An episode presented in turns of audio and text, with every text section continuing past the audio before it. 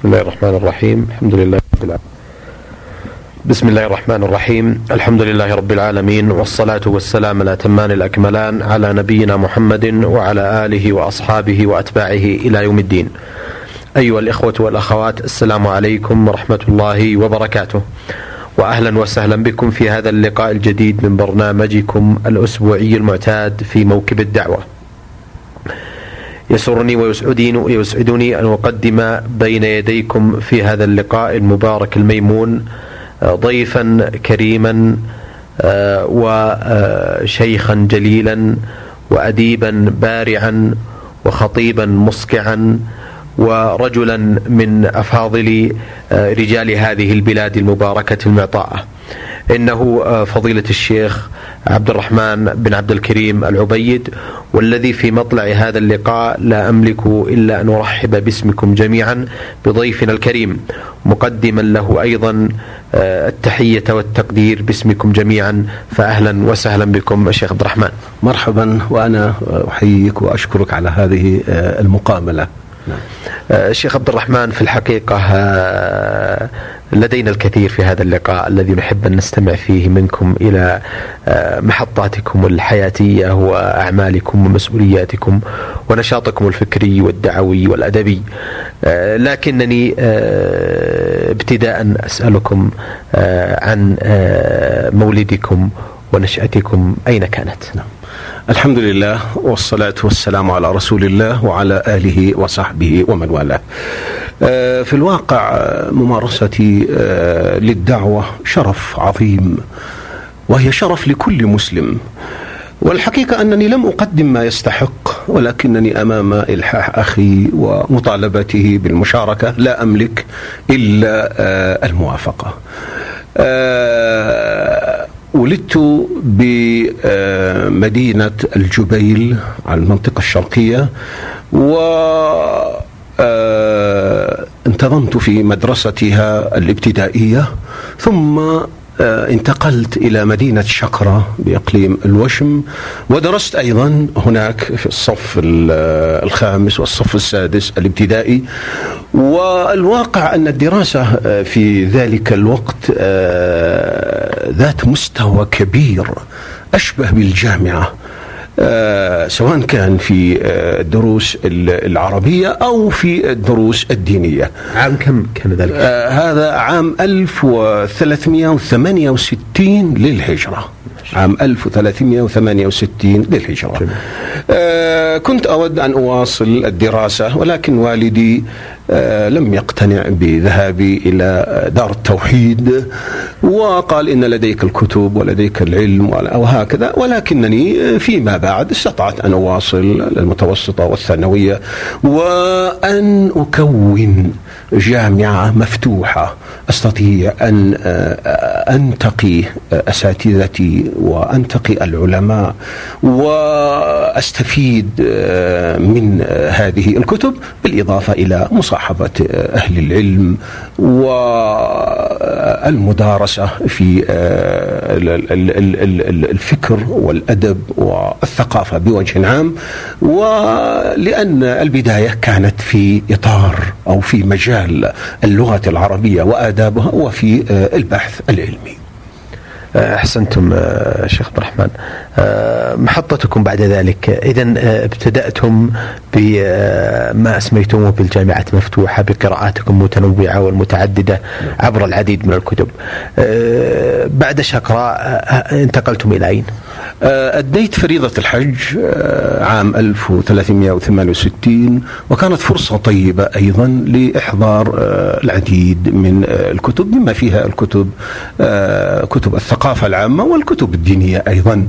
ثم توجهنا إلى الجبيل عام 1369 وانتهت علاقتي آه، وعلاقة والدي رحمه الله بشقرة.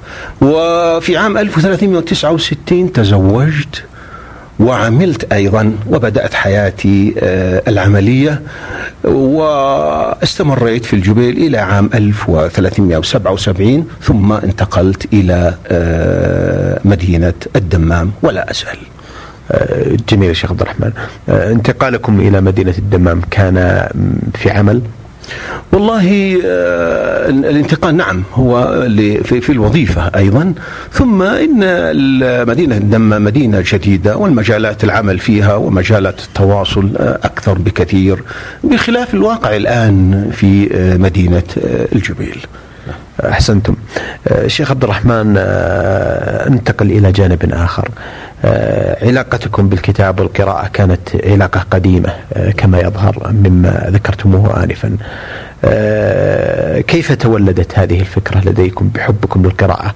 هل كان هناك آه، تأثر من قبل شخصيات كنتم آه، يعني قريبين منها وكانت تحفكم رعايتها وتأييدها وكان لكم أو كان لتلك الشخصيات أثر أو بصمات على توجهكم الفكري والدعوي والعلمي والشرعي نحو القراءة التي هي أساس لبناء الشخص العلمي والشرعي آه، والمثقف. والله آه، فعلا يعني البداية كانت من المدرسة. أنا أقول أن المدرسة القديمة المدرسة الابتدائية التي كنا ندرسها في ندرس فيها في الستينات الهجرية هي أشبه بالجامعة. ندرس اللغة العربية النحو والصرف نقرأ التوحيد كشف الشبهات ندرس آه، متون آه، فقهية متميزة ثم بعد ذلك المدرس. المدرس في الفصل آه، هو الذي ينمي في الطلبة. وأذكر الحقيقة أن أحد الأساتذة كان يحضر معه ديوان الشعر. وأنا ذهبت إلى شقرة وعمري آه، حوالي 16 سنة أو 15 سنة ومعي ديوان المتنبي. رغبة القراءة ورغبة المتابعة كانت قديمة في الواقع ثم تولدت لدي وأصبحت قضية ملازمة لي. بخلاف الدراسة الجامعية التي تنتهي بانتهاء آه، دراسة الجامعة لأن الجامعة تعطي مفاتيح العلوم لكن الجامعة المفتوحة والتعليم المتواصل آه، يستطيع آه، المتابع أن يستفيد وأن يتتلمذ على أهل العلم ويسأل أيضا ومجالس العلم ومجالس الذكر أيضا فيها فائدة كبيرة كان لها دور كبير ومصاحبتي للعديد من المشايخ وخاصة شيخي الشيخ محمد بن سليمان آل سليمان القاضي تمييز الآن متقاعد وهو رئيس الجمعية الخيرية لتحفيظ القرآن الكريم. آه، كنت آه، أجلس معه وأشاوره وأدارسه وذكر ذلك في تقديمه لأحد كتبه. أحسنتم. آه شيخ عبد الرحمن أعرف عنكم, آه عنكم آه ويعرف البعض من المستمعين والمستمعات أنكم ذو نشاط واسع نشاط أدبي وفكري وثقافي وعلمي وشرعي. بودي أن أستمع منكم إلى أبرز العضويات والمشاركات التي كان لكم إسهام فيها. والله يا أخي الحقيقة مساهماتي متواضعة لكن آه، المجال هو مجالين تقريبا. آه، قصدي آه، العمل الثقافي. كان يستقطب نشاطي في فترة معينة من عام 1375 للهجرة إلى عام 1395 يعني عشرين سنة كان في المتابعات الأدبية والصحافة حتى أني كنت في يوم من الأيام مدير تحرير لجريدة أخبار الظهران وملازم للعديد من آه، الإخوة والزملاء الذي أصدروا صحف في المنطقة الشرقية ومنهم أخي الأستاذ سعد البواردي.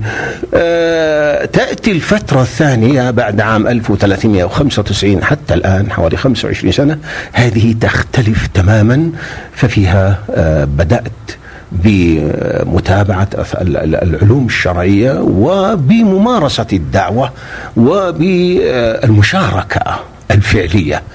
آه، في الواقع في مجال آه، اللغات العربية وآدابها وفي مجال البحث العلمي عضو هيئة تحرير الموسوعة الجغرافية لبلدان المملكة العربية السعودية وهي تبنتها الجمعية الجغرافية بجامعة الملك سعود. عضو رابطة الأدب الإسلامي العالمية وعضو شرف جمعية التاريخ بكلية الأدب بجامعة الرياض ورئيس نادي المنطقة الشرقية الأدبي. في مجال العلوم الشرعية والدعوة عضو الدعوة والإرشاد المتعاون بمركز الدعوة والإرشاد بالمنطقة الشرقية عضو مجلس إدارة جمعية تحفيظ القرآن الكريم بالمنطقة الشرقية وعضو احتياطي خطيب جمعة. إلى غير ذلك من الممارسات التي يؤدي فيها المؤمن ضريبة تجب عليه كما قال صلى الله عليه وسلم بلغوا عني ولو آية. احسنتم يا شيخ عبد الرحمن. أتوقف عند نقطة مهمة شيخ عبد الرحمن. الحقيقة ألاحظ هذا المزج الجميل والرائع في حياتكم. مما أوجد وأنتج شخصية أصفها بالتكامل في جوانبها المتعددة فكريا وادبيا وثقافيا وشرعيا. آه، شيخ عبد الرحمن آه، كيف تولدت هذه المجموعة المتكاملة من من التوجهات التي آه، أحوج ما نكون إليها في هذا العصر المزج الأدبي والفكري والثقافي المغطى والمحصن بالجانب الشرعي. نعم. والله في الواقع يعني العلم الموسوعي هو صفة من صفات العرب والقراءة الحقيقة والمتابعة واستمرار القراءة تولد. وإن كنا الآن في جيل آه، يتجه إلى التخصص والتخصص الأدق أيضا.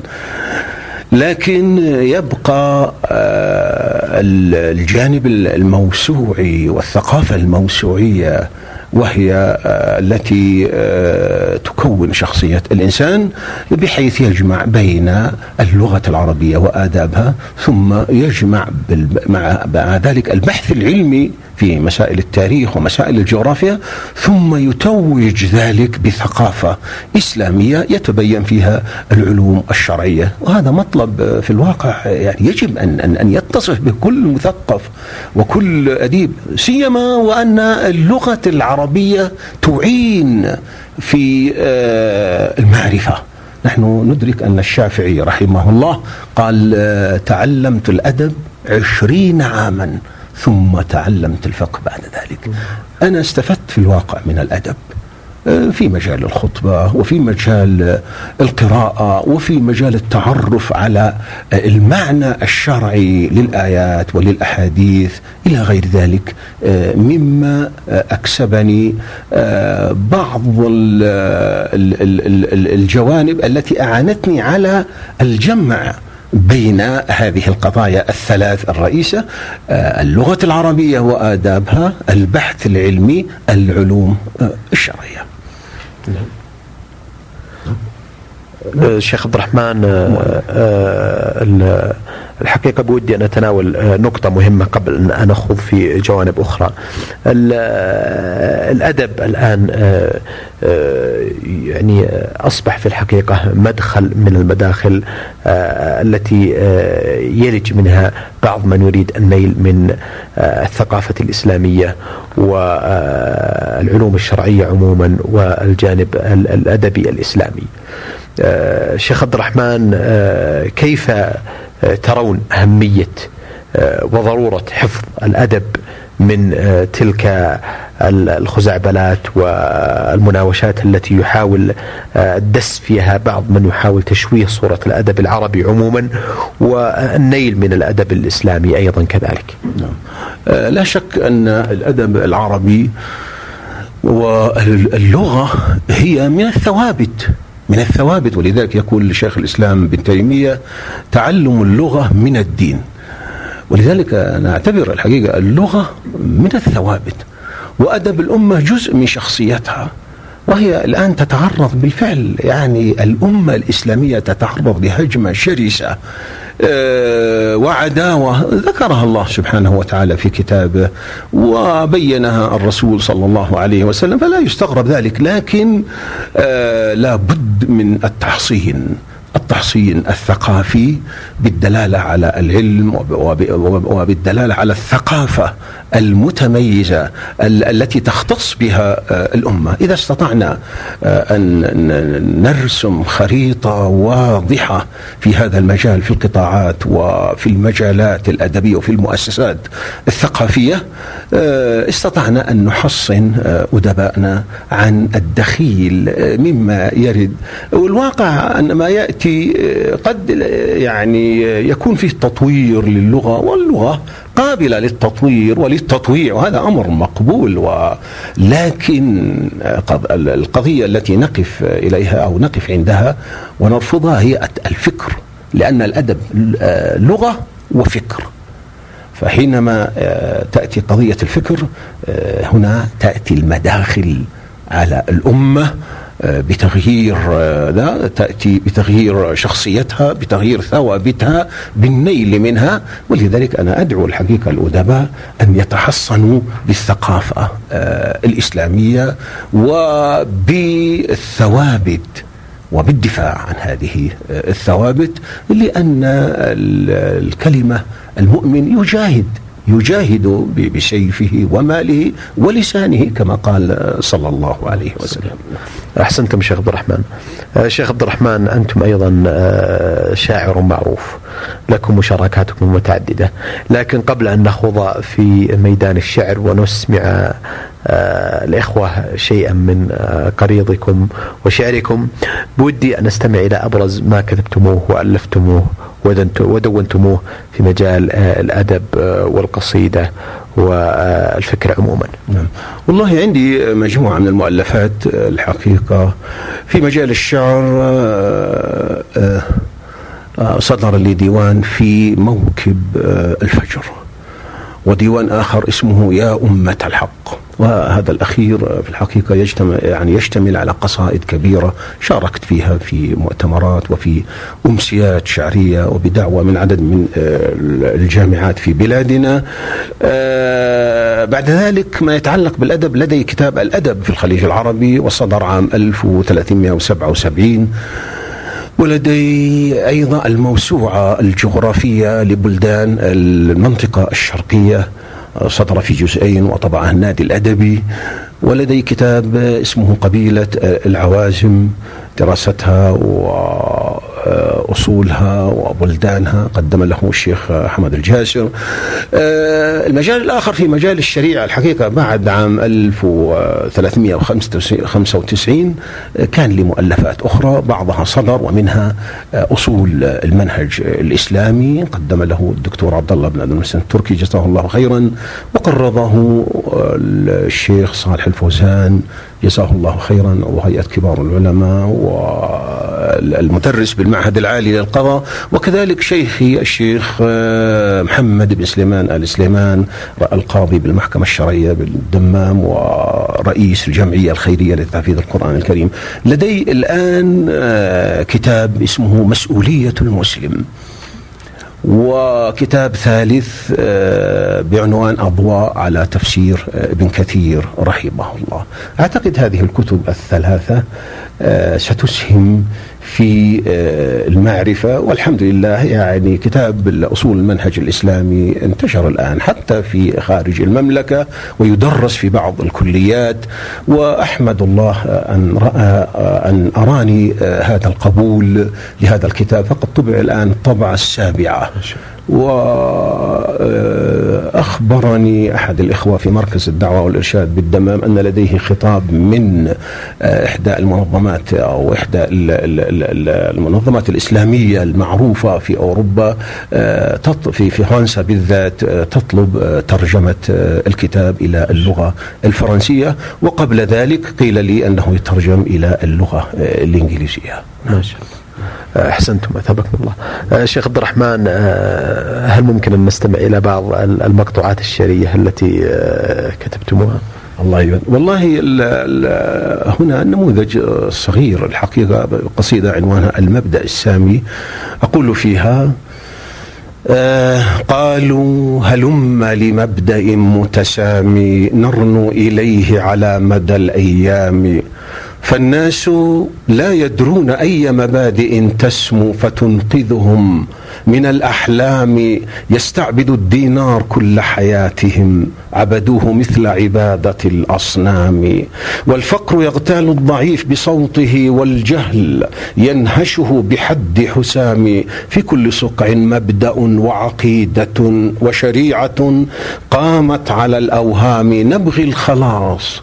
فهل ترى من منقذ للناس بعد تطاحن وصدام؟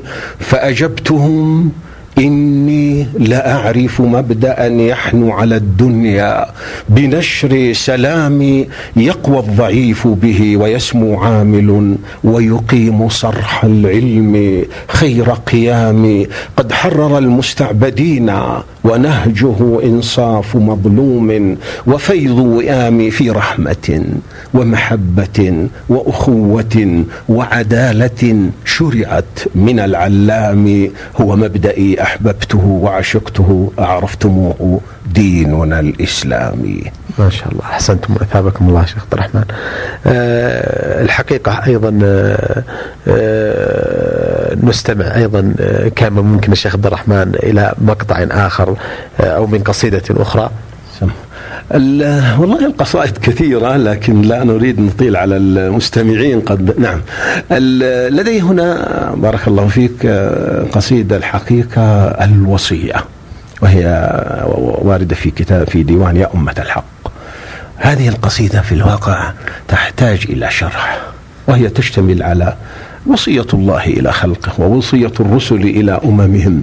أقول فيها لولا هدى القرآن يسطع كالقمر لم يأتلق نور ولم يسعد بشر. لولا الدعاة إلى الهدى لتعطلت فينا الشريعة وانطوى فيها الأثر. لولا القصائد تجتنى من شاعر يشدو بألوان العظات وبالعبر. ما أشرقت في النفس حكمته ولا صاغ القلائد من أجاويد الدرر. يا من يتاجر بالثقافة كاذبا متلونا يأتي ويرجع بالخسر. دعني وأشعاري التي أهفو لها وأصوغها بدمي وقلبي والسهر. أنا مسلم أنا نظرت رأيتها سيرا تواسيني وتبكيني سير. أنا مسلم آت أجدد دعوتي للخير تقتحم البوادي والحضر. من عاش للإسلام فليرفع له أغلى شعارات. تجدد من دثر. من عاش للإسلام فليخلص له إن كان يصدع بالبلاغ. وإن أسر أنا شاعر بالضيم يدمي أمتي وكأن خالد لم يقدها أو عمر. وهي التي رفعت لواء الفاتحين وأنقذت امما يمزقها الضجر أنا شاعر لكن بفرقة أمتي مذدق لو تدرون ناقوس الخطر. من عاش للإسلام فليهتف به. أنا مسلم آت لإنقاذ البشر. يا صاح كيف يلومني متعنت؟ جهل المقام بجنة أو في سقر. أيلومني قومي وقلبي موجع؟ قلبي دم يغلي وليس من الحجر إلى آخر آه القصيدة وهي قصيدة طويلة جدا آه نستعرض استعرضت فيها شعب الإيمان وقواعد آه الإسلام لكنها تحتاج نعم. إلى شرح أحسنتم وأثابكم الله. آه شيخ عبد الرحمن آه أقف عند محطة آه أخرى لابد من الوقوف عندها، النادي الأدبي تتبوؤون رئاسته وهو منبر ثقافي وأدبي مهم يقع في المنطقة الشرقية وله إسهام جيد بقيادتكم في نشر الثقافة والأدب الرصين والمتميز في هذه البلاد. كيف كانت علاقتكم بالنادي الأدبي وبدايتها؟ والله النادي الأدبي في الواقع لا شك أنه مؤسسة ثقافية تعنى بتوعية المجتمع وتعنى بتنمية ثقافة الأعضاء، هذه هي الأهداف الرئيسة. والواقع والله النادي أنا لم أطلب الحقيقة يعني رئاسة النادي ولم يخطر ببالي ولكنني الحقيقة تلقيت أمر و آه، من صاحب السمو الملكي الأمير محمد بن فهد بن عبد العزيز آه، أمير المنطقة الشرقية وهو آه، من آه، الأحباب الذين كان لهم إسهام طيب في الواقع. وجدنا إسهامه واضح في جمعية تحفيظ القرآن الكريم وفي إنشاء جائزة التفوق العلمي وظهرت بوادر خير الحقيقة ولم أستطع الاعتذار عن هذا الأمر. الآن مضى على النادي عشر سنوات. نعم وحقق الكثير ولكن نطلب الأكثر أيضا. والنادي صورة طبق الأصل لأدباء المنطقة ولنشاطهم ولإسهاماتهم. لكنني أعتقد إن شاء الله آه، أنه آه، يسير بخطى محسوبة ومعدودة وفي إطار أيضا خدمة العقيدة الإسلامية لأن من ضمن لائحة آه، النادي الاهتمام بالدعوة الإسلامية في مسجد النادي وهذا أيضا نباشره إلى حد ما نعم. أحسنتم. آه، شيخ عبد الرحمن علمت الحقيقة أيضا أن هناك دراسات كتبت عن نشاطكم الأدبي والثقافي. هذه الدراسات تناولت الجهد والعمل الذي قدمتموه من خلال كتاباتكم ومؤلفاتكم. هل ممكن أن نستمع إلى تلك الدراسات العلمية التي قدمت عنكم؟ والله يعني كتب بعض المقالات وبعض الدراسات الأدبية عن ديوان في موكب الفجر وديوان يا أمة الحق وعن بعض الكتب عن ديوان يا أمة الحق أيضا وكذلك عن الموسوعة الجغرافية. لكن يعني مقالات مثل ما يحصل مع اي أديب آخر وأنا جمعت بعض منها لكن الحقيقة يعني الشيء الذي لفت نظري هو الاهتمام اهتمام الدراسات الأكاديمية. جاءني شخص الحقيقة وطلب أن يكتب عن مجموعة المؤلفات ولا أعرف من الذي وجهه لهذا الأمر وهذا في عام 1407 وأصدر رسالة بعنوان عبد الرحمن البيد ومؤلفاته الأدبية والثقافية أو كذا العنوان. وصدر هذا الكتاب في جامعة لكناو ونوقشت هذه الرسالة ونال بها درجة الدكتوراه. ولدي صورة منها. آه هذا العام أيضا هناك طالبة من كلية آداب الرياض تدرس الشعر أيضا والاتجاه الإسلامي في شعر فلان آه ابن فلان هكذا. نعم. وهي آه تستعد لتقديم آه هذه الرسالة لنيل آه درجة آه الماجستير. أحسنتم. آه شيخ عبد الرحمن قبل أن نختتم هذا اللقاء آه أستمع منكم وأنتم آه أديب آه بارز وداعية معروف ومثقف له حضوره الواسع في العديد من المحافل والمجالات الدعوية والثقافية والفكرية. كيف ترون؟ الدور الإعلامي الذي يجب أن يمارسه الأديب والداعية والمثقف في هذه البلاد عبر القنوات الإعلامية المتاحة والمفتوحة والحمد لله. نعم. لا شك يا أخي الحقيقة قضية مهمة ما تفضلت به مسؤولية المثقف والعالم في هذا البلد تختلف عن مسؤوليته في أي بلد آخر. نحن نملك الحقيقة مقومات ومسؤولية والحقيقة هذا البلد ينظر إليه العالم وتتوجه إليه الأنظار. ولذلك الدعوة التي تصدر عن هذا البلد لها أثر كبير. والأدباء قطاع الحقيقة قطاع مهم من قطاعات الفكر. يجب أن يتحملوا مسؤوليتهم.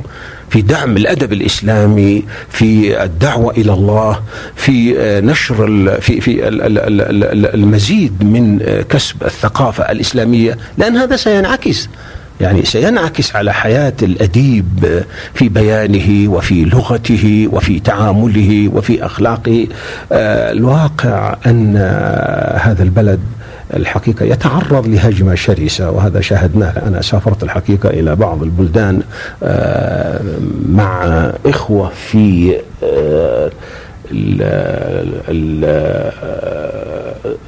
في الندوة العالمية. الندوة العالمية للشباب الإسلامي وغيرها نعم. ونلمس هذا نلمس الحقيقة التعتيم ونلمس الأمور.